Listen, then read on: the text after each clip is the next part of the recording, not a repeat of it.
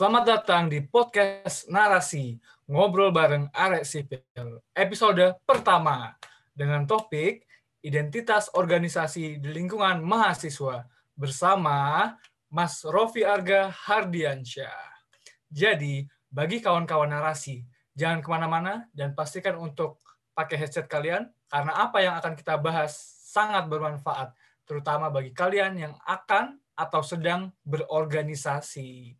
Namun, sebelum kami mulai lanjut, ada sebaiknya kami kenalan terlebih dahulu nih. Ada aku, Brenda, selaku podcaster dari Podcast Narasi yang berasal dari Departemen Hubungan Luar HMS FTSP ITS, dan aku ditemani Aku, Firman, selaku podcaster juga pada Podcast Narasi yang juga berasal dari Departemen Hubungan Luar HMS FTSP ITS. Oke nih, selanjutnya pada podcast hari ini kita kedatangan tamu yang spesial banget yang merupakan mantan dari Kahima Himatek ITS 2015 sampai 2016, Presiden BEM 2016 sampai 2017, dan sekarang bekerja sebagai District Representatif Narko Water, Mas Rofi Arga Hardiansyah. Halo Mas Rofi, apa kabar? Kalau kesibukan hari ini apa aja nih Mas? Ya, halo Firman, halo uh, Bernadetta. Uh, kesibukannya sekarang kerja aja sih sama ngurus keluarga karena baru punya anak satu kebetulan. Jadinya belajar jadi ayah kalau sekarang ini. Waduh, baik-baik cukup menyenangkan ya Mas sekarang. Berarti udah punya anak, terus udah kerja. Wah, nggak sabar sih saya ngerasain juga gimana tuh rasanya jadi ayah ntar. Nanti kuliah dulu, kuliah dulu. Wah, Siap mas, doain ya, mas cepat waktu ya mas. Oke, dan salam untuk keluarga, semoga semua dalam keadaan sehat selalu ya mas. Amin, terima kasih. Siap, siap, siap. Oke, sebelumnya karena kami tadi sudah memperkenalkan sedikit mengenai Mas Rofi yang dibawakan oleh Brenda, maka saat ini ada baiknya Mas Rofi nih yang sedikit menceritakan tentang dirinya sendiri. Mungkin bisa dimulai dari apa dulu nih, Brenda? Uh, bisa dimulai dari masa kecil Mas Rofi nih, misal lahir di mana, besar di mana, kesulitannya gimana, atau gimana cerita-cerita pas kecilnya Mas Rofi bisa banget Mas.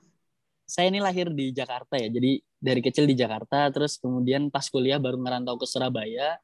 Setelah setelah kuliah di ITS itu saya belum pernah maksudnya jadi menetap di Jawa Timur terus gitu karena kerjanya juga kemarin habis lulus dari ITS dapat kerjaan di Surabaya juga sekarang saya menetap di sidoarjo. Nah ini eh, kondisi belakangan ini dua tahun saya nggak pulang ke rumah Jakarta karena memang ada pandemi kan?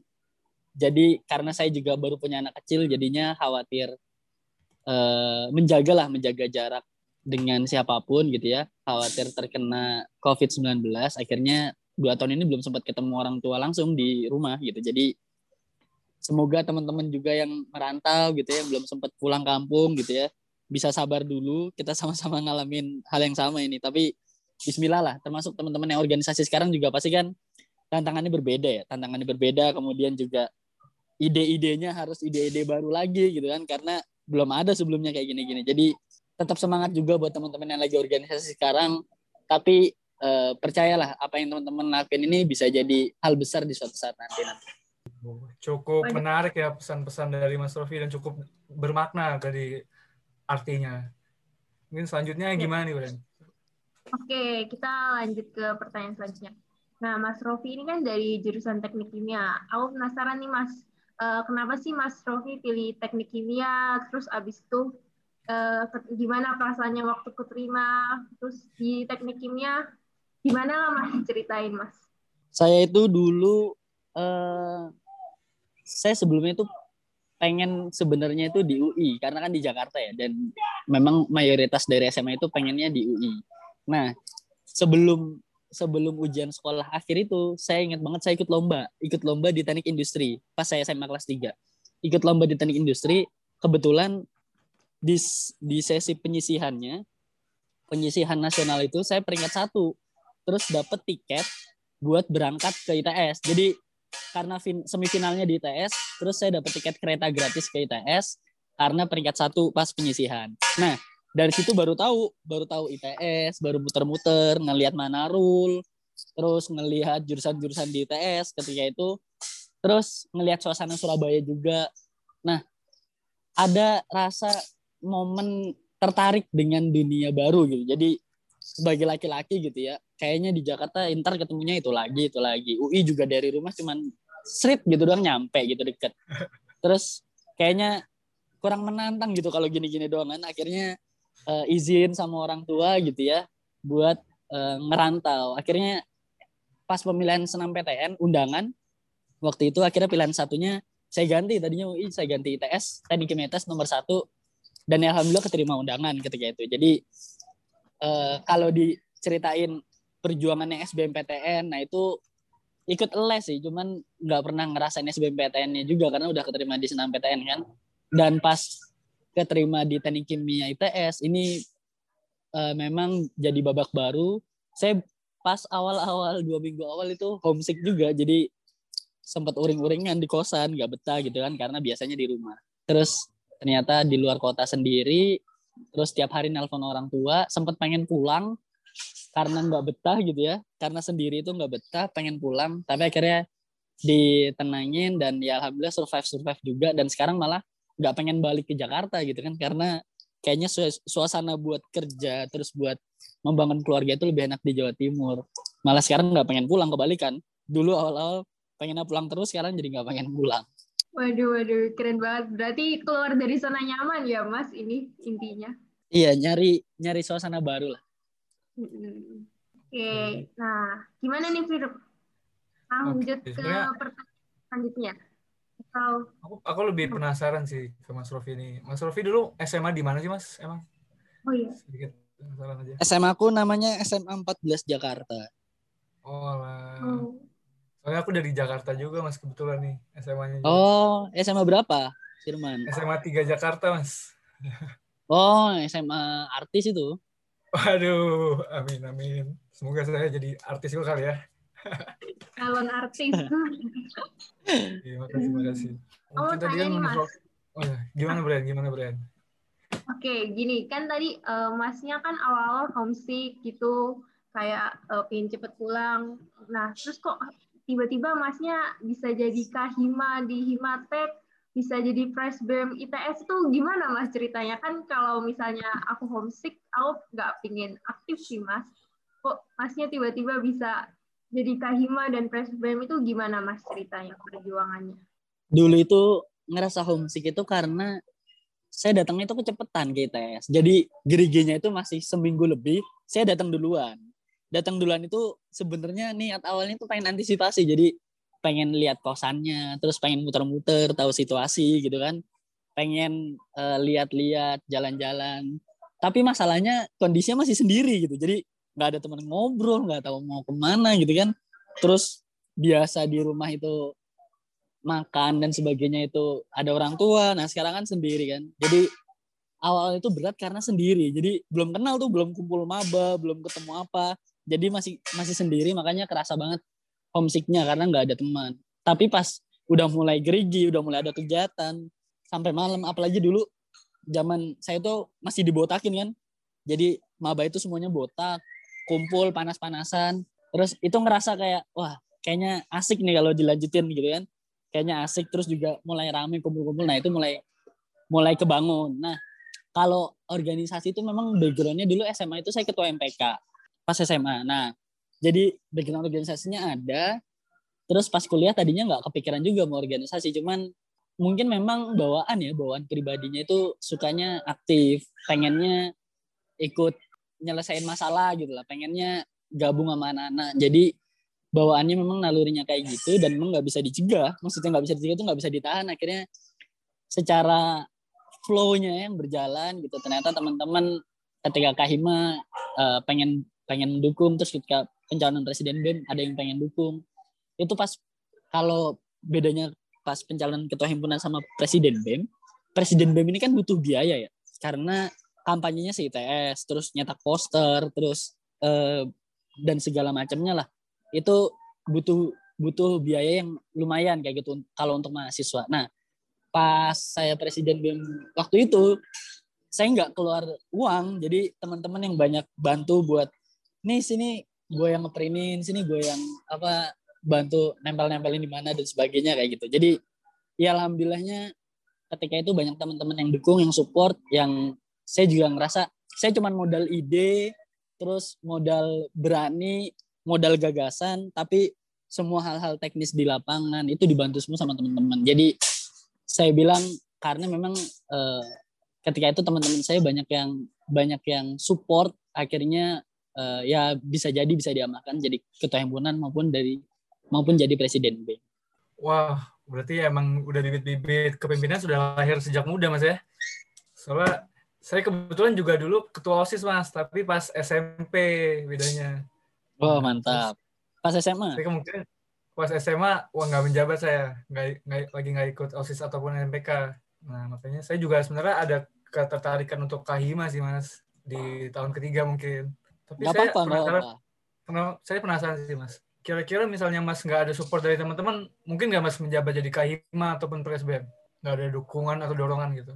Uh, nggak ada sih. Jadi saya murni itu ketika maju ceritanya kalau cerita pencalonan ketua himpunan itu lebih aneh lagi sebenarnya karena karena ada hal-hal yang itu jadi dulu itu pas menuju pencalonan ketua himpunan di zaman saya itu jadi ada bursa bursa ketua himpunan. Nah, bursa ketua himpunan ini orang-orang yang mau jadi ketua himpunan itu bisa mendaftar dengan menyerahkan nomor NPH. Jadi kalau kalau di Tekim itu kalau anggota yang sudah diangkat itu ada dapat NPH buat di himpunannya.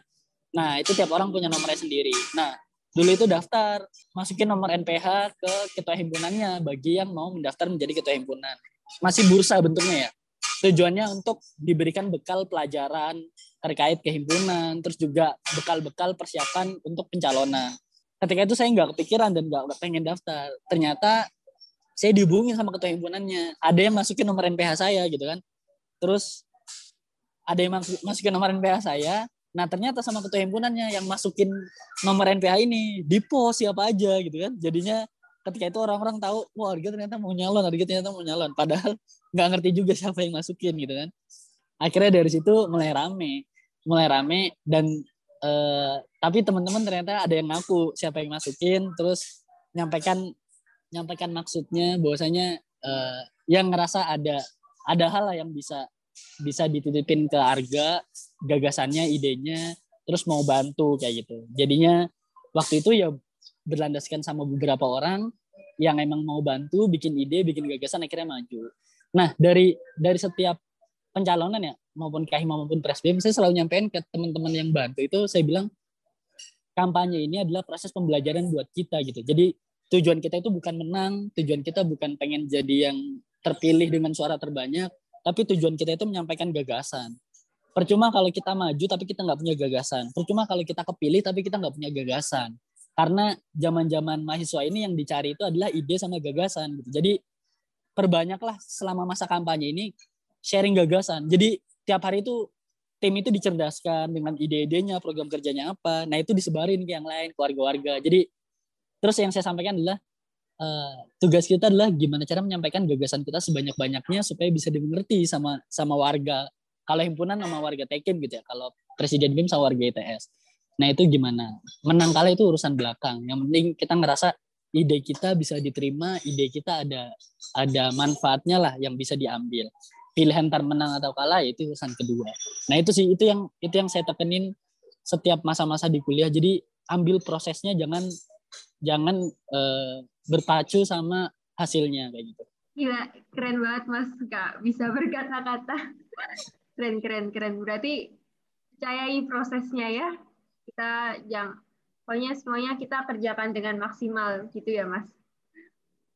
Iya, jadi ya kalau organisasi itu yang totalitas, maksudnya organisasi kan nggak dibayar, terus juga kita kan yang keluarkan tenaga sama waktunya banyak. Jadi kalau kita nggak totalitas sayang. Jadi mending sekalian kalau pengen nyemplung organisasi totalitas. Totalitasnya itu apa? Totalitas dari ide gagasannya dikeluarin semua. Kalau harus kalau satu dua hal ada gesekan karena perbedaan pendapat ya itu wajar dan itu tinggal tinggal mengasah kedewasaan aja. Tapi selama kita bisa berproses dengan baik mengeluarkan apa yang kita punya gitu ya, ya insya Allah nanti bakal ada manfaatnya kok. Banyak sampai ntar lulus kerja itu bekalnya itu semua dari organisasi pas kuliah. Oke, nah kebetulan nih ya berdasarkan pengalaman Mas Rofi yang sesuai dengan topik yang kita bawakan pada hari ini yaitu seputar organisasi atau lebih spesifiknya identitas dari sebuah organisasi nih. Uh, kan kita tahu nih Mas, kalau identitas organisasi ini ada ADART, logo, visi misi. Tapi kalau aku mau tanya nih Mas, kalau menurut Mas ini dari suatu organisasi itu hanya terdiri dari hal-hal yang baru saya sebutkan saja atau ada hal yang lebih Mas? Ya, sebenarnya yang yang disebutkan sama Brenda barusan itu sebenarnya hanya kelengkapan-kelengkapan organisasi gitu. Jadi ibarat ibarat kalau kita pakai baju yang disebutin tadi tuh kayak gelang, anting, topi, itu aksesoris.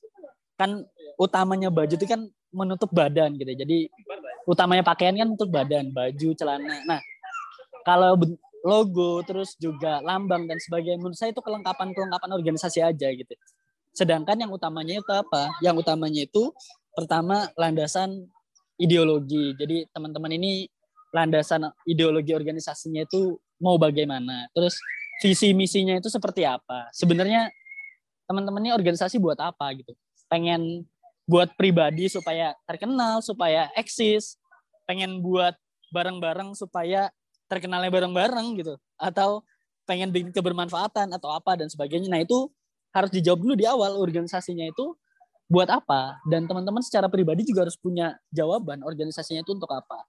Nah, kalau dasar-dasar organisasinya sudah ada, dasar-dasar visi misinya jelas, struktur berpikirnya ada, nanti lambang, kemudian logo, kemudian himne, himpunan kalau ada dan sebagainya, itu akan mengikuti dengan sendirinya gitu. Nah, yang menjadi poin utama organisasi itu sebenarnya yang tadi saya sampaikan. Kadang itu orang itu ibarat gini, ibarat kebanyakan teman-teman sekarang itu eh, kalau menurut saya ada step pola pikir yang terlewat. Jadi misal nih, misal kalau diibaratkan teman-teman di sipil nih misalkan, lagi di teknik sipil, teman-teman pengen beli eh, jajanan, pengen beli kelengkapan di kosan.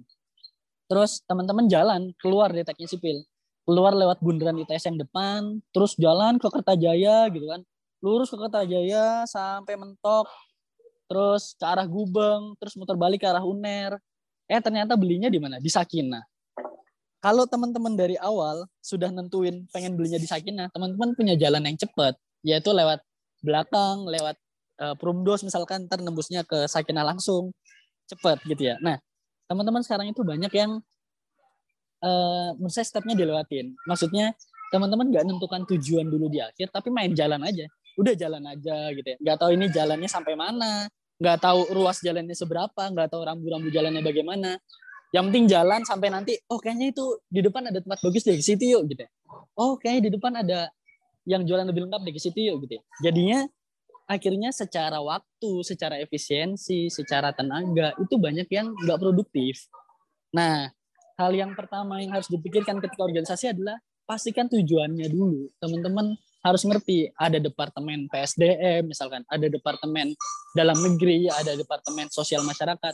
Harus ngerti dulu masing-masing tujuannya itu apa untuk kepengurusan itu, targetnya apa. Nanti kelengkapan logo dan sebagainya mengikuti pasti gampang itu.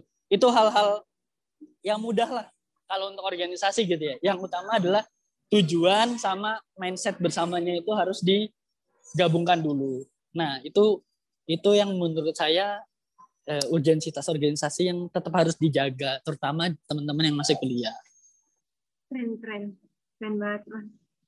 Tercerahkan lah nanti kalau Firman jadi Kahima, bisa lah ya. Oke. okay. Mohon bimbingannya. Mas ya. Oke, okay, siap. Tenang, tenang. Ini Mas, uh, aku mau tanya nih Mas. Kalau Mas tadi kan udah kasih jelas-jelasin tadi harus tetapin tujuan. Nah, tapi kalau menurut Mas itu gimana sih cara membuat identitas organisasi yang baik dan benar? Step-stepnya apa harus cari pendukung dulu atau gimana tuh? Ya, uh, kalau kayak sekarang kita kan ngelihat banyak startup-startup sekarang ya. Misalkan Gojek, terus kemudian yang Traveloka, terus uh, Tokopedia, Bukalapak itu kan perusahaan-perusahaan baru yang langsung meledak besar. Nah, kenapa mereka bisa cepat kemudian akselerasinya ting, uh, terhitung sangat cepat juga sebagai seorang eh sebagai sebuah perusahaan karena mereka berawal dari keresahan. Mereka berawal dari oh ada masalah nih Gojek gitu ya. Oh ada ada ada gap di sini gitu ya. Ada orang yang pengen bepergian tapi nggak punya kendaraan, cuman yang tersedia saat ini itu mahal misalkan. Terus e, bentuknya nggak fleksibel. Akhirnya disediakan sarana untuk menemukan antara yang butuh dan menemukan antara yang menyediakan jasanya. Akhirnya dibikin Gojek. Begitupun dengan Tokopedia, Bukalapak untuk menyambungkan ke UMKM. Nah, mereka itu berawal daripada keresahan. Keresahan terus kemudian melihat ada masalah dan kemudian mereka tergambar solusinya seperti apa. Nah, untuk seorang seorang organisator yang baik itu menurut saya itu harus memperhatikan hal itu gitu. Jadi lihat keresahan di sekitar apa, kemudian mampu menemukan masalahnya apa dan mampu mencari, uh, mencari jalan solusi terbaik itu apa. Ketika itu sudah ada, itu sudah dapat gitu ya. Nah, itu nanti bisa dikembangkan, diolah menjadi sebuah program-program atau bisa dimatangkan dulu observasinya dengan cara jaras, jaring aspirasi dari teman angkatan, terus kemudian dosen mungkin, alumni mungkin, atau kakak-kakak kelas dan sebagainya. Itu untuk memperlengkap lagi gambaran, nah nanti baru menjadi turunan-turunan program. Nah, identitas dari awal itu seperti apa gitu ya. Nah, itu tadi. Jadi teman-teman harus punya keresahannya masing-masing buat organisasi karena kalau teman-teman organisasi cuman daftar terus ikut organisasi terus karena ada program kerja terus ikut jadi panitia gitu doang ya pertama organisasinya sulit berkembang kedua teman-temannya juga tidak akan berkembang karena nggak menjawab masalah dan tidak mencoba untuk memberikan solusi itu sih kalau dari saya pribadi ya wah baik-baik mas jadi berdasarkan apa yang Mas Rofi jelaskan tuh intinya ada di kita harus memiliki keresahan dulu ya Mas. Berarti kita harus menganalisa kondisi lingkungan kita dulu ya Mas ya. Bisa dibilang begitu Mas. Ya? Jadi ya, jadi eh, menjawab memetakan benar, memetakan kondisi lingkungannya seperti apa, terus kemudian mencarikan solusi terbaik. Ya, simpelnya sih kayak gitu. Oke, baik baik baik paham, paham. Baik, terima kasih banyak Mas. Wah, saya jadi semakin penasaran nih dan semakin siap, semakin banyak bekalnya untuk mencalonkan diri. Oke, baik selanjutnya nih Mas. Tadi kan kita sudah bahas bag kayak bagaimana sih menentukan atau membuat identitas organisasi. Nah, selanjutnya saya ada pertanyaan lanjutan nih Mas. Selanjutnya menurut Mas Rofi, mengapa suatu identitas organisasi itu harus original gitu mas nggak bisa kenapa organisasi ini identitasnya beda dengan yang lain kenapa organisasi ini tuh beda-beda gitu identitasnya dan apakah itu emang udah selalu gitu mas. Apakah suatu identitas organisasi harus berbeda-beda gitu mas? Harus original dan otentik gitu mas. Uh, or, kalau misalnya organisasi ini kan seni ya. Jadi organisasi ini nggak ada gambaran itu nggak ada benar nggak ada salah. Jadi tiap orang tuh punya gayanya masing-masing, punya caranya masing-masing gitu ya. Dan itu kan bagian dari seni. Nah, contohnya kayak misalkan gini aja gitu. Kamu misalkan seorang pelukis, kamu melukis, tapi kamu melukisnya itu jiplak lukisan orang. Atau kamu misalkan musisi, kamu bikin lagu, tapi lagunya itu nadanya itu sama kayak orang gitu. Liriknya doang diganti aye-aye tambahan gitu misalkan. Terus kamu misalkan apalagi nih yang seniman tuh. Nah, ibaratnya eh, hal-hal itu memang akhirnya seniman itu kan berarti orang yang memiliki naluri untuk mengeluarkan seni gitu ya, tergantung sama bidang seninya. Nah, organisasi itu menurut saya itu kayak gitu. Jadi kalau teman-teman kehilangan originalitas itu, ya teman-teman sudah tidak bisa dibilang organisator gitu, tapi teman-teman di luar itu pada akhirnya. Karena organisator yang baik yang seharusnya itu ya seorang seniman yang punya ide orisinil. Terus uh, solusi-solusi orisinil gitu ya. Meskipun mungkin bisa jadi sama dengan kondisi di beberapa tempat gitu ya meskipun bisa jadi di organisasi lain mengalami hal yang sama. It's okay nggak masalah gitu. Yang penting apa yang dikeluarkan itu memang berasal dari pribadi dan memang tahu secara mendetail. Beda kalau misalkan mencoba untuk mencocokkan dengan kondisi di tempat lain terus tinggal ngambil aja. Nah itu berarti secara pribadi sendiri sudah nggak jujur gitu kan sebagai seorang organisator.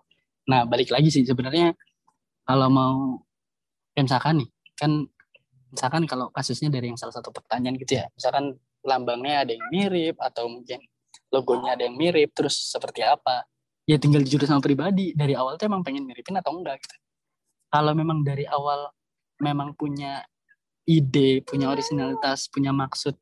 Terus ternyata pas bikin, oh nggak sengaja ada yang mirip sama dia. Seharusnya dia bisa menjelaskan dan nggak takut ketika ada orang yang mempertanyakan. Kayak gitu. Nah beda kalau orang yang melihat awalnya itu udah emang ngelihat ini terus dirubah dikit dan sebagainya pasti mau bagaimanapun dia kesekakmat kalau misalkan ditanya kan kayak gitu. Nah inilah inilah uh, yang harus dipahami. Teman-teman ini uh, seniman gitu. Orang yang organisasi ini seniman punya gayanya masing-masing. Jadi keluarin aja semua ekspresikan aja pengen apa pengen gimana gitu ya. Jangan takut gitu. Mau jadi kahima aku mau jadi kahima yang misalkan uh, jadi suri tauladan gitu di jadi mahasiswa gitu kan. Terus pengennya IPK-nya yang paling tinggi di mahasiswa. Pengennya yang paling tampan di cowok-cowok yang lain. Pengennya suaranya yang paling lantang misalkan kayak gitu. Nah ya nggak apa-apa ekspresikan aja orang seni kok. Siapa tahu emang zaman sekarang anak-anak sukanya kahima yang kayak gitu gitu kan. Nggak ada yang tahu. Atau aku pengen kahima yang paling berotot di di jurusan gitu kan. Ngejim akhirnya sampai kelihatan ototnya kalau foto bagus.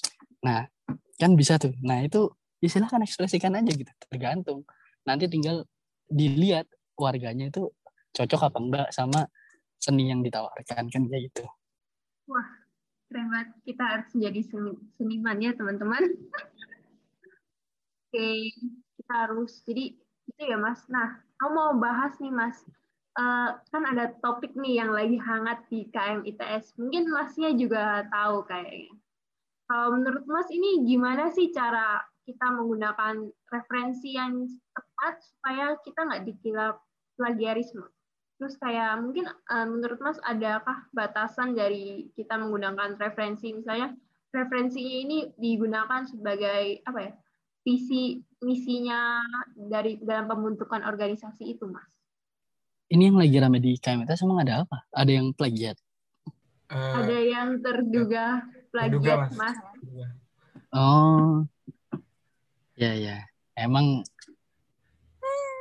ya itu banyak sih di beberapa tempat lain juga rame kalau gitu-gitu. Nah, referensi ya.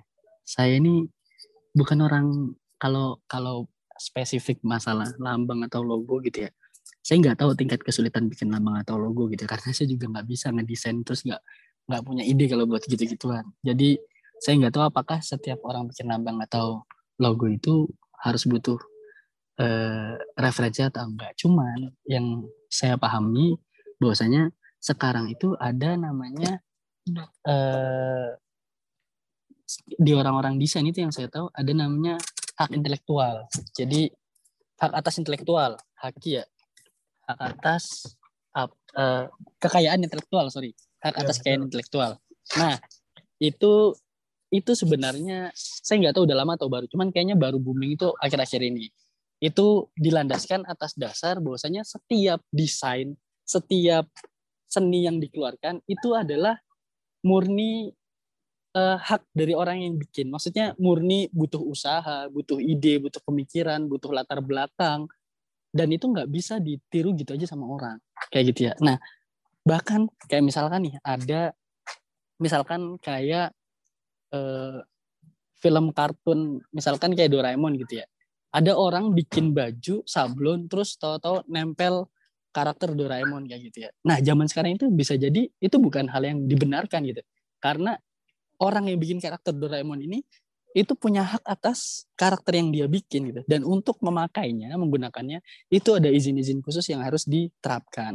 Nah, itu dia kenapa sekarang itu memang kalau kita ngomongin lambang atau desain dan sebagainya itu harus memperhatikan terkait hak atas kekayaan intelektual tersebut kalau zaman sekarang. Jadi kalau ada yang kelihatan mirip atau hampir sama, menurut saya hal wajar ketika yang sudah ada merasa ini dijiplak, yang sudah ada merasa ini diplagiat. Itu hal yang wajar karena memang sekarang ada aturan atas itu gitu. Tapi kalau memang dari awal itu nggak ada niatan terus kemudian ternyata hampir mirip nah itu mungkin ada step selanjutnya untuk dijelaskan dan memang kalau memang dirasa sangat mirip ya itu bisa jadi memang harus dirubah juga yang bikin terakhir. Nah batas referensi itu sejauh apa? Kalau saya sih referensi itu kalau untuk hal-hal yang teknis kayak gitu ya menurut saya jangan ngelihat punya orang dulu. Jadi kayak saya dulu bikin lambang itu bikin lambang di BEM ya. Jadi kalau BEM kan tiap tahun kan bikin lambang. Nah saya dulu bikin lambang itu mungkin ada 10 lambang kali pas kampanye itu. Jadi referen bukan referensi bikin sendiri. Jadi saya minta tolong bikinin bikinin saya ya sama diskusi sama teman-teman. Jadi kan hewan ya jadi pengennya logonya itu hewan. Ada yang bikin kuda bikin serigala bikin apa aneh-aneh dulu. Pokoknya semuanya dibikin. Nah terus tinggal dipilih yang cocok yang mana. Itu sebenarnya berdasarkan dari ide masing-masing teman-teman diskusi teman-teman. Jadi gak ngeliat referensi mana-mana. Pokoknya yang melambangkan sama nilai-nilai kita apa nih terus kalau mau bentuknya hewan yang melambangkan itu apa dan sebagainya nah itu berawal dari sana nah saran saya sejauh mana referensi kalau menurut saya kalau belum punya ide jangan jangan mencari referensi. Tapi kalau sudah punya ide dasar dan perlu referensi untuk penambah sedikit demi sedikit itu nggak masalah. Tapi kalau belum punya ide sama sekali terus nyari referensi, akhirnya nggak jadi bikin. Tapi kita hanya meniru terus merubah dikit kayak gitu. Waduh, oke okay, paham paham mas, paham paham paham. Tapi saya lebih penasaran lagi nih mas. Misalnya udah terkadung gitu mas, terlanjur bahwa dia ini diduga plagiarisme dan citra terhadap dia maupun kabinetnya itu udah menjadi negatif. Kira-kira menurut Mas Rofi hal bijak apa yang perlu kita lakukan Mas kita ketika kita di posisi itu? Apa kita perlu klarifikasi ataupun mendinai atau ya menolak gugatan itu atau bagaimana Mas? Kalau memang ini harus pertama jadi organisator itu harus jujur. Jujur paling besar pada diri sendiri. Ngaku sama diri sendiri itu niru apa enggak. Kalau memang niru, harus jujur juga menyampaikan ke publik minta maaf. Minta maaf bahwasanya memang ada kemiripan ini dan kami akan coba perbaiki dan sebagainya. Kalaupun tidak merasa meniru, kemudian ternyata mirip dan memang dipermasalahkan, juga harus siap meminta maaf meskipun bukan salah dia, tapi aturan sekarang, bukan aturan ya, ekosistem yang terbentuk sekarang dan mindset yang terbentuk di masyarakat umum sekarang, siapa yang terakhir bikin, yaitu yang dikira meniru gitu. Jadi harus siap menerima konsekuensi. Itu juga konsekuensi kita hidup zaman sekarang gitu kan. Jadi sampaikan maaf. Menurut saya hal yang paling bijak dan hal yang paling yang paling mahal gitu ya, itu minta maaf. Ketika minta maaf dan mengakui itu tidak sedikit pun mengurangi uh, kehormatan teman-teman yang sebagai kabinet. Menurut saya enggak. Kenapa? Karena justru ketika minta maaf itu kabinet ini belajar. Belajar bahwasanya ada hal-hal yang kadang nggak direncanakan tapi terjadi. Ada -hal yang kadang memang mungkin kita nggak merasa salah tapi ya memang posisinya kita tetap harus minta maaf supaya ini bisa berjalan lebih baik kayak gitu kan. Apalagi untuk orang-orang yang melihat karena kalau semakin kita denial semakin kita menahan semakin kita nggak terima orang-orang di luar juga nggak akan mudah untuk dipahamkan bahwasanya ini cari alasan dan sebagainya gitu kan makin panjang. Tapi kalau memang dirasa minta maaf dengan misalnya kalau niru ya minta maaf akan kami akan coba kami revisi dan perbaiki gitu ya atau kalau memang mirip nggak disengaja juga sampaikan minta maaf ini ketidaksengajaan yang ternyata mirip dan kami akan bertanggung jawab untuk memperbaiki karena memang uh, kami menghargai atas desain yang sebelumnya dan sebagainya gitulah. Nah, itu menurut saya hal yang paling bijak yang bisa dilakukan. Setelahnya apa? Setelahnya ang angkat rebut kepercayaan lagi dengan ya udah dengan hal-hal baik yang bisa dilakukan setelahnya gitu. Program-program baik yang bisa dilakukan setelahnya gitu. Himpunan kan programnya banyak atau organisasi ini kan pekerjaannya banyak kalau ada satu hal yang bermasalah, ya itu bukan akhir. Itu bukan berarti, oh udahlah, tamat lah kabinet gue nggak bisa ngapain. Oh udahlah, uh, udah kayak gue harus mundurin diri aja lah, udah percuma kayak gini gitu kan. Padahal baru berjalan dua bulan gitu kan. Yang nggak gitu juga gitu. Karena dinamika itu memang ada dan justru dari hal-hal itulah kita belajar. teman-teman nanti udah kerja pun, udah kerja, udah hidup di kalangan sosial. Lah teman-teman kalau misalkan di masyarakat ada salah, terus teman-teman pengen merubah tapi nggak bisa gitu. Salah satunya cuma minta maaf. Masa kalau nggak mau minta maaf, pengen dikucilkan, terus pengen mengasingkan diri kan enggak. Minta maaf itu bukan berarti merendahkan diri kok enggak menurut saya gitu ya. Tapi justru di sini kita belajar untuk melihat situasi lebih luas kayak gitu nggak apa-apa nggak masalah kalau menurut saya sih minta maaf lebih baik tapi setelah itu tunjukkan kinerja yang jauh lebih besar daripada sebelumnya supaya teman-teman bisa melihat bahwasanya memang kabinet ini uh, bagus kayak gitu. Oke oke paham paham mas paham. Jadi kita sebagai pemimpin tuh pertama harus jujur terhadap diri kita sendiri dan uh, mau untuk minta maaf ya mas meskipun sebenarnya kita nggak salah gitu mas ya sebagai pemimpin. Iya menurut saya iya. Oke oke paham paham paham baik baik. Terima kasih. Kira-kira ada yang mau ditambahkan lagi nggak mas nih?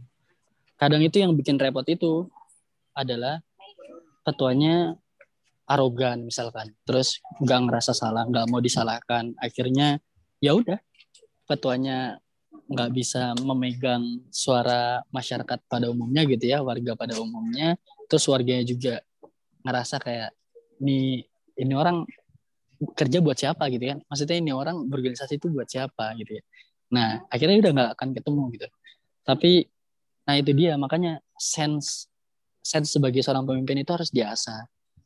Kapan positioningnya itu harus pas. Kapan dia harus tegas. Kapan dia harus uh, merunduk kapan dia harus melayani dan sebagainya karena memang hal itu perlu proses nggak bisa nggak ada orang tahu-tahu ngerti terus bisa jadi pemimpin hebat tuh nggak ada semuanya butuh proses Nah, biarkan setiap masalah yang ada di kampus itu jadi proses. Se separah-parahnya ya, separah-parahnya organisasi di kampus gitu, kejadian-kejadian di kampus itu nggak akan ngefek sampai kerja itu nggak akan, nggak akan ngefek. Bahkan setelah tahun keempat gitu, ya udah semuanya udah berjalan biasa, udah jadi masyarakat biasa semua gitu ya. Jadi jadi separah-parahnya ketika organisasi, anggaplah itu semua sebagai pelajaran. Saya juga dulu pas di BEM, ya masalahnya banyak, satu dua hal dari internal maupun eksternal gitu ya. Terus kemudian wah dulu isinya juga sama omongan yang A, B, C dan sebagainya tapi ya nggak apa-apa itu bagian dari proses. Kalau saya ada yang salah silahkan ingatkan saya dan saya coba perbaiki gitu kan. Saya selalu bilang kayak gitu juga. Nggak cuman ke kabinet tapi juga staff-staff dan sebagainya. Kalau ada yang keliru silahkan ingatkan gitu ya.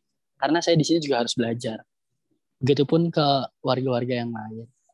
Tapi kalau ada yang benar juga ya ayo kita kita jalankan bareng-bareng kita usahakan bareng-bareng. Karena fungsi organisasi itu gitu. ada yang salah diingatkan kalau ada hal yang benar mari disupport bersama. Siap mas. Siap. Keren banget mas. Jadi kita harus berani mengakui kesalahan kalau jadi pemimpin nah nah tadi kan aku udah singgung dikit mas kita tuh udah ngejaring aspirasi mas nah terus udah kekumpul ada beberapa pertanyaan mas Nah, ini ada 11 pertanyaan nih, Mas. Oke, nomor 11 ini pertanyaannya, apakah identitas dalam sebuah organisasi akan selalu sama atau setiap pergantian pengurusan bisa aja, Mas, ada yang berubah?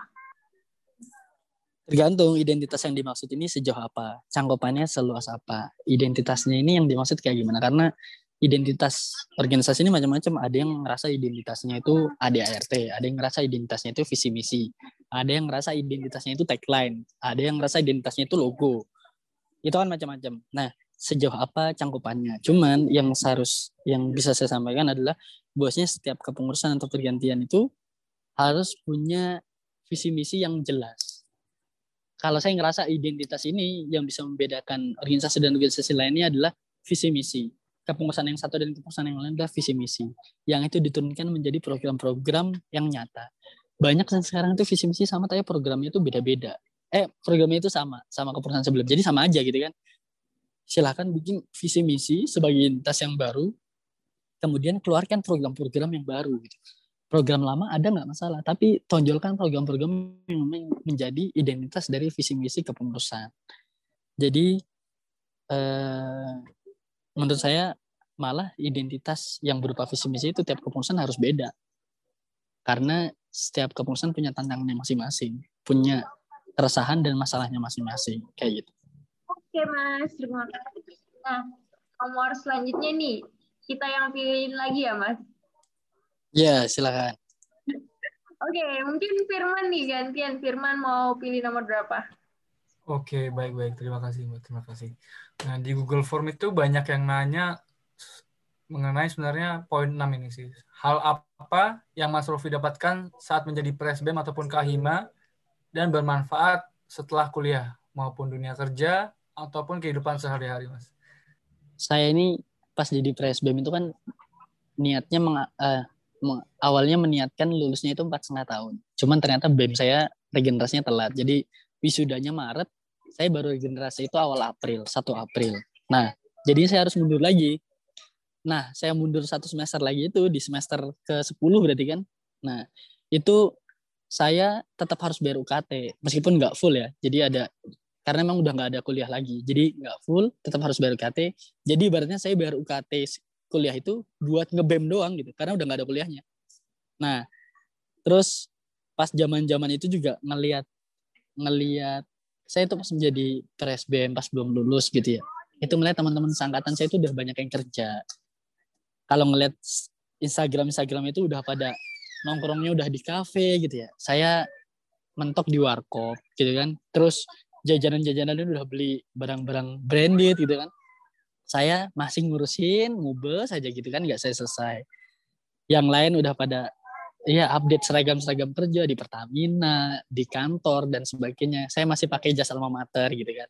Nah, saya ngerasa memang pada ketika saat menjadi presiden BEM itu banyak hal-hal yang harus diikhlaskan dari awal. Maksudnya diikhlaskan tuh eh, karena variabelnya banyak gitu ya. Jadi jadi seorang organisator, apalagi pimpinan gitu ya, variabel dari luar itu banyak. Variabel dari dosen, alumni, dari rektorat, kemudian dari ya dari lingkungan sekitar tuh banyak variabelnya yang itu kadang nggak bisa kita kontrol. Jadi apa yang kita rencanakan itu kita rencanakan itu sering kali tidak sesuai dengan harapan. Sehingga dari awal itu sudah mengikhlaskan apa yang kita rencanakan ketika nggak berjalan sesuai rencana, ya kita harus diterima gitu ya. Nanti tulus bahasanya kayak gitu. Kita merencanakan yang terbaik, tapi kalau ternyata Allah berkehendak lain, ya bismillah ini yang terbaik buat kita gitu kan. Nah, pertama belajar mengikhlaskan yang kedua adalah dari ketika menjadi organisator itu saya ketemu banyak macam orang gitu ya ada ternyata yang di depan saya baik ternyata di belakang ngomongin gitu ya. ada yang ternyata dia ngomong itu belak belakan di depan saya ada ada yang dia memang baik dari awal nemenin ikhlas terus uh, jujur gitu ada nah akhirnya ketika saya banyak ketemu orang model orang dengan banyak kondisi saya ya saya ngerasa kondisi sekarang ini alhamdulillah lebih mudah uh, membaca orang, lebih mudah melihat orang gitu ya. Jadi saya kerja, saya kerja sekarang ini punya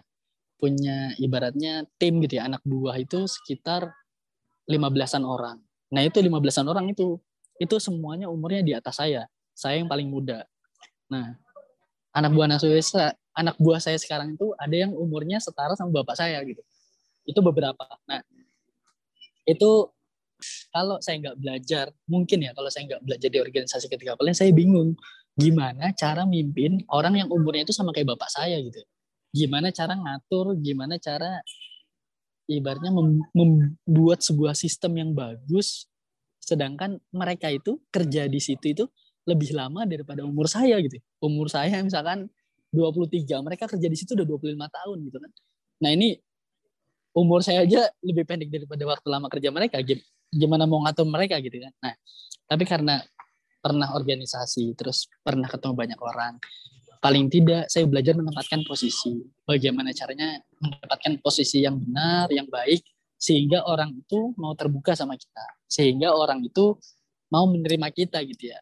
Mungkin kita nggak dianggap sebagai orang yang sok ngatur, tapi kita dianggap sebagai orang yang punya ilmu lebih yang coba untuk menyampaikan baiknya seperti apa.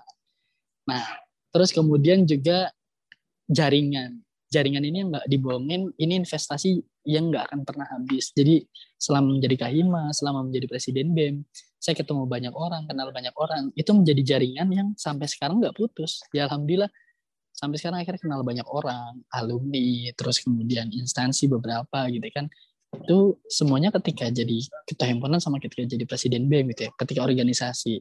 Mungkin kalau saya nggak organisasi saya nggak bisa kenal banyak orang nggak bisa bantu banyak orang gitu ya.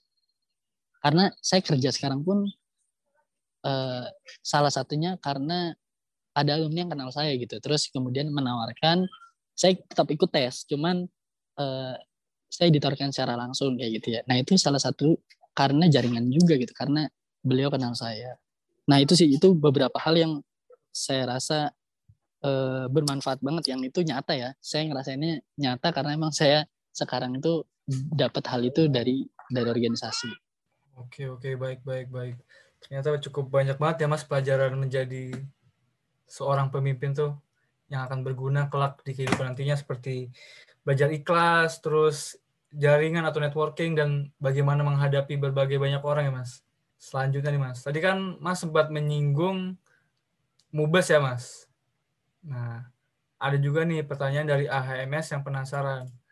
Bagaimana sih mas perjalanan dalam pembuatan mubes 5 kepengurusan Mas Rofi?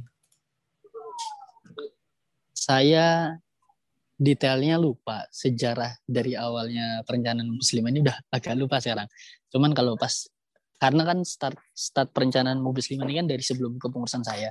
Nah, ketika di kepengurusan saya sebenarnya Mubes 5 ini digodok lagi dari awal. Jadi dua kepengurusan sebelumnya kalau nggak salah itu mulai ngerancang Mubes 5, cuman hasilnya nggak ada ibaratnya hasilnya belum bisa diterima sama KM. Akhirnya di zaman saya dibikin uh, tim lagi, tim lagi untuk uh, mengulas masalah Mubes 5, apa yang harus dirubah, poin-poin apa saja, terus juga uh, rencananya itu mau dibikin kayak gimana menyesuaikan sama kondisi tes yang berubah, ada MWA, terus kemudian sudah PTNBH dan sebagainya. Nah, memang pas zaman saya itu kan banyak banyak perubahan banget ya. Jadi ITS jadi PTNBH, kemudian ada MWA, WMITS, kemudian uh, struktur himpunan banyak yang nambah, kemudian masalah kemahasiswaan itu banyak yang tidak diperbolehkan ketika itu, jadi dibatasi. Nah, ini menjadi dinamika tersendiri dan ini berlangsung ketika juga proses penyusunan Mabes 5. Nah, pas zaman saya pada akhirnya tidak bisa sampai mengesahkan Mabes 5 kan memang bahan-bahannya itu masih masih diselesaikan. Bahan-bahannya ibaratnya belum belum rampung semua dan itu dilanjutkan di, dilanjutkan di kepengurusan selanjutnya yang presiden selanjutnya Haikal. Nah di kepengurusan Haikal ini akhirnya bisa sidang terus diselesaikan. Jadi di kepengurusan saya ini akhirnya bikin jaras dari awal lagi semuanya kalau pas Mabes 5 dan pas selesainya di kepengurusan Haikal. Nah itu saya belum dapat kopi sih dari ketika itu apa aja jadinya yang dirubah terus kemudian yang ditetapkan itu apa aja saya belum dapat kopi cuman pas di zaman saya sih itu tadi aja nah ini mas ada pertanyaan lagi nih dari AHMS mengenai leadership nih gimana sih mas cara membangun kemampuan leadership mas Rofi apakah mas pernah merasa kurang percaya diri sebagai seorang pemimpin dan gimana sih cara meningkatkan dari percaya dirinya kita itu kalau ngerasa kurang percaya diri ya pernah ya. Jadi dulu itu pas maju ketua himpunan itu calonnya kan ada tiga. Calon yang pertama itu kebetulan saya nomor urut satu.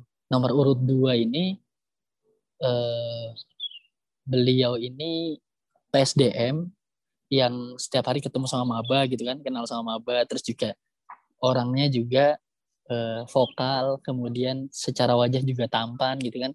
Terus yang nomor tiga pemain basket, terus pemandu, terus juga secara wajah juga sangat tampan gitu kan. Nah, saya ini dulu departemennya social development, kerjanya ke kampung-kampung, jarang menyentuh sama warga. Terus juga secara look itu yang paling tidak menjanjikan di antara ketiga ini gitu kan. Itu saya dulu nyalon itu awal pas kita himpunan itu ya modal ide sama gagasan aja. Udah modal Bismillah aja lah Bismillah. Karena emang ada ide sama gagasan pengen disampaikan. Terus ya udah gitu. Nah itu memang hal-hal yang teknis ya. Maksudnya teknis itu adalah karena nggak dipungkirin pas masa-masa nyalon itu kan orang kan cuma ngelihatnya kan dari poster dari gambar terus dari kampanye yang cuman sebentar gitu kan. Orang-orang yang kenal mungkin seangkatan itu ngelihatnya dari personal karena memang tiap hari bareng. Tapi kalau warga yang secara general kan ngelihatnya dari hal-hal teknis itu aja. Nah itu dulu di awal sempat agak minder. Agak mindernya itu karena tadi hal-hal yang hanya nampak terlihat dan itu dirasa kayaknya gue paling kurang semuanya di antara yang lain kan gitu. Tapi tapi memang karena waktu itu tujuannya adalah uh, ide sama gagasan ya akhirnya nah itu cuman sekilas lewat fokusnya tetap ke ide sama gagasan. Terus kalau kepedean itu leadership itu ya emang diproses proses dibangun. Jadi dulu pas di SMA juga ya alhamdulillah karena pernah organisasi jadinya udah mulai ada modalnya. Terus pas kuliah biasa biasa dan sampai sekarang pun masih mengasah juga gimana caranya leadership memimpin ya kalau punya anak buah terus kalau punya uh, amanah-amanah baru dari misalkan uh, atasan gitu ya minta ada amanah baru dan sebagainya di kerjaan itu ya itu semuanya akhirnya tetap berlangsung. Proses leadership itu tetap berlangsung nggak akan pernah selesai. Dan makanya teman-teman yang masih di kampus atau masih yang yang masih berorganisasi ya terima semua tantangan yang ada gitu ya jalanin semua tantangan yang ada karena di situ prosesnya itu di situ kalau nggak saya itu pernah ngerasain hampir di DO karena uh, sama inilah hampir di DO itu maksudnya sempat diancam mau di DO itu pernah. Saya dikeluarin dari kelas itu pernah, tapi itu salah saya sih. Cuman itu jadi tantangan juga. Terus saya dimaki oleh orang itu pernah. Ya banyak lah. Maksudnya apa yang muncul di Instagram saya, apa yang muncul di media sosial itu yang senang-senangnya aja gitu. Di baliknya itu banyak pahitnya gitu. Banyak banyak stresnya juga, banyak uring-uringannya juga banyak mendekatkan diri sama Allah lah ketika masa menjabat itu kemarin karena memang eh, nggak gampang tapi itu niatkan sebagai bagian dari proses membentuk diri proses pembelajaran insya Allah dapat dapat baiknya nanti kalau itu semua udah jalan selesai insya Allah banyak hal baik yang kita terima. Ya memang nggak semuanya mungkin kita bisa nyelesain gitu ya karena ada hal-hal yang secara kapasitas kita terbatas. Ya nggak masalah gitu. Yang penting kita tahu poin-poinnya kita salah di mana kita kurang di mana kita bisa memperbaiki di mana. Pernah pasti pernah. Kalau yang namanya nggak percaya diri itu pernah kayak gitu. Oke, baik-baik. Jadi berdasarkan apa yang Mas Rofi bilang, sebuah eh, seorang pemimpin itu bukan terlahir ya Mas, tapi terbentuk seiring berjalannya waktu dan proses ya Mas. Ya, Beda kalau Sultan. Kalau Sultan mungkin dilahirkan dia udah kaya itu ada. Kalau pemimpin itu menurut saya dibentuk kalau pemimpin. Wah, kalau rakyat biasa berarti dibentuk dulu mas ya, kayak saya gitu kan. Oke, baik. Jadi selanjutnya saya ada lanjut ke pertanyaan selanjutnya nih mas. Mas Rofi kan pengalaman kepemimpinannya banyak ya, mulai ketua MPK, ketua Hima, Kahima, dan Presbem. Nah, Mas Rofi ini kan di sini bukan sebagai bukan hanya sebagai memiliki pemilik kekuasaan tapi juga pembuat keputusan ya Mas. Nah pertanyaannya itu, apakah Mas Rofi pernah membuat keputusan yang buruk dan akhirnya menyesal selama menjadi kahima maupun presbem dan jika pernah bagaimana menanggulangi keputusan tersebut? Itu Mas pertanyaannya. Nah, pernah. Saya pernah membuat keputusan sebenarnya sih nggak nggak buruk ya karena nggak ada benar dan salah. Jadinya nggak bisa dianggap buruk. Tapi menurut saya keputusannya kurang tepat. Kayak gitu ya. Jadi keputusan bu, ke, keputusan buruk itu ketika ada hal-hal yang dirugikan. Ketika ada orang yang merasa dirugikan dan memang itu secara material juga kerasa. Tapi kalau kurang tepat berarti memang ada hal yang lebih lebih baik lah seharusnya kayak gitu. Nah saya ngerasa saya sempat pernah mengambil keputusan yang kurang tepat dan itu berimpaknya panjang.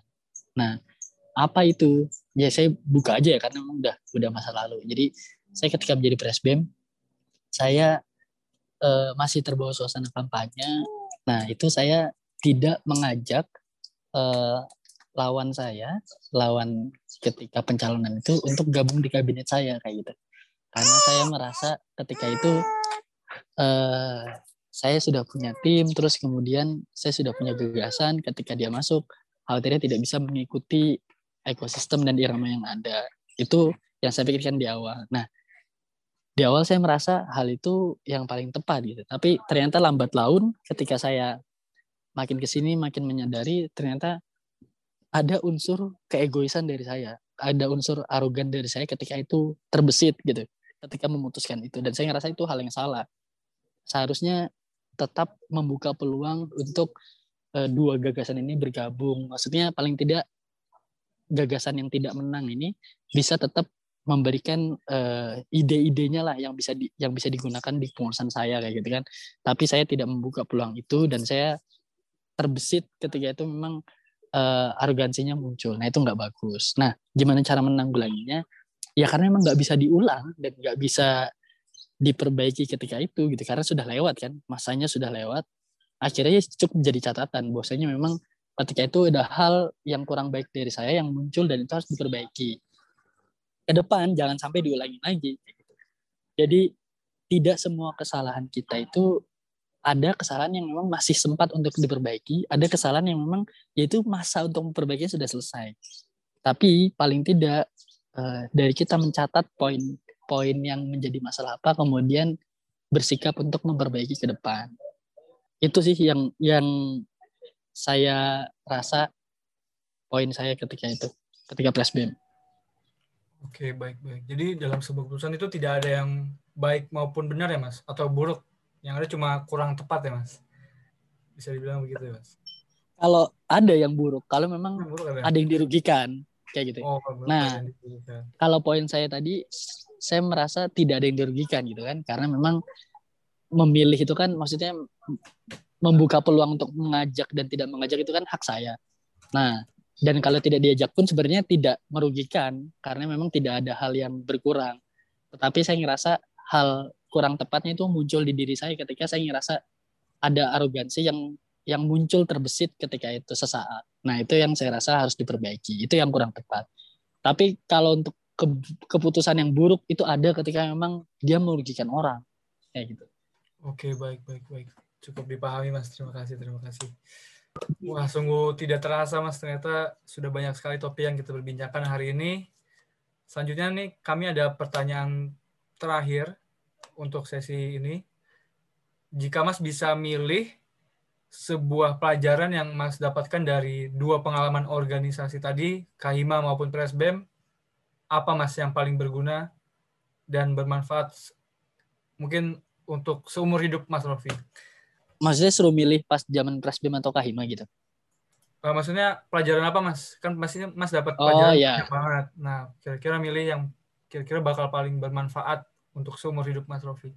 Belajar untuk pertama belajar untuk ikhlas sejak awal dan belajar untuk terbuka dengan semua orang. Maksudnya adalah belajar ikhlas itu apa? Belajar ikhlas itu kita pahamin kalau memang kita di organisasi, tugas kita itu banyaknya melayani.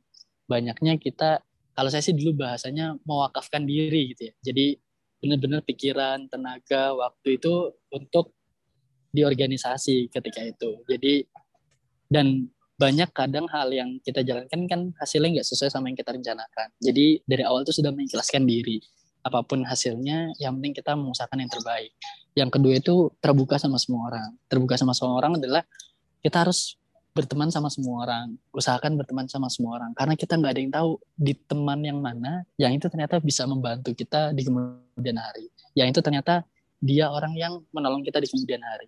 Jadi jangan sampai kita punya firasat buruk sama orang berbuat buruk sama orang gitu ya. Dalam kondisi apa pun bertemanlah sebanyak-banyaknya sama orang gitu ya. Karena bisa jadi orang kalau ada orang yang kita sakiti gitu ya bisa jadi di kemudian hari cuman dia nih yang bisa bantu kita kita nggak pernah tahu. Kayak gitu itu sih dua hal itu sih jadi belajar mengikhlaskan dan belajar terbuka dan berteman sama semua orang oke ikhlas dan terbuka nah sekarang nih mas kita mau main game dikit-dikit nih mas jadi aku bakal kasih dua pilihan terus mas Rofi harus bisa jawab cepat oke kalau mas bisa pilih nih mas Ahima atau Presbem Pres BM. Oke, kalau kedua nih, BEM ITS atau Himatek? BEM ITS.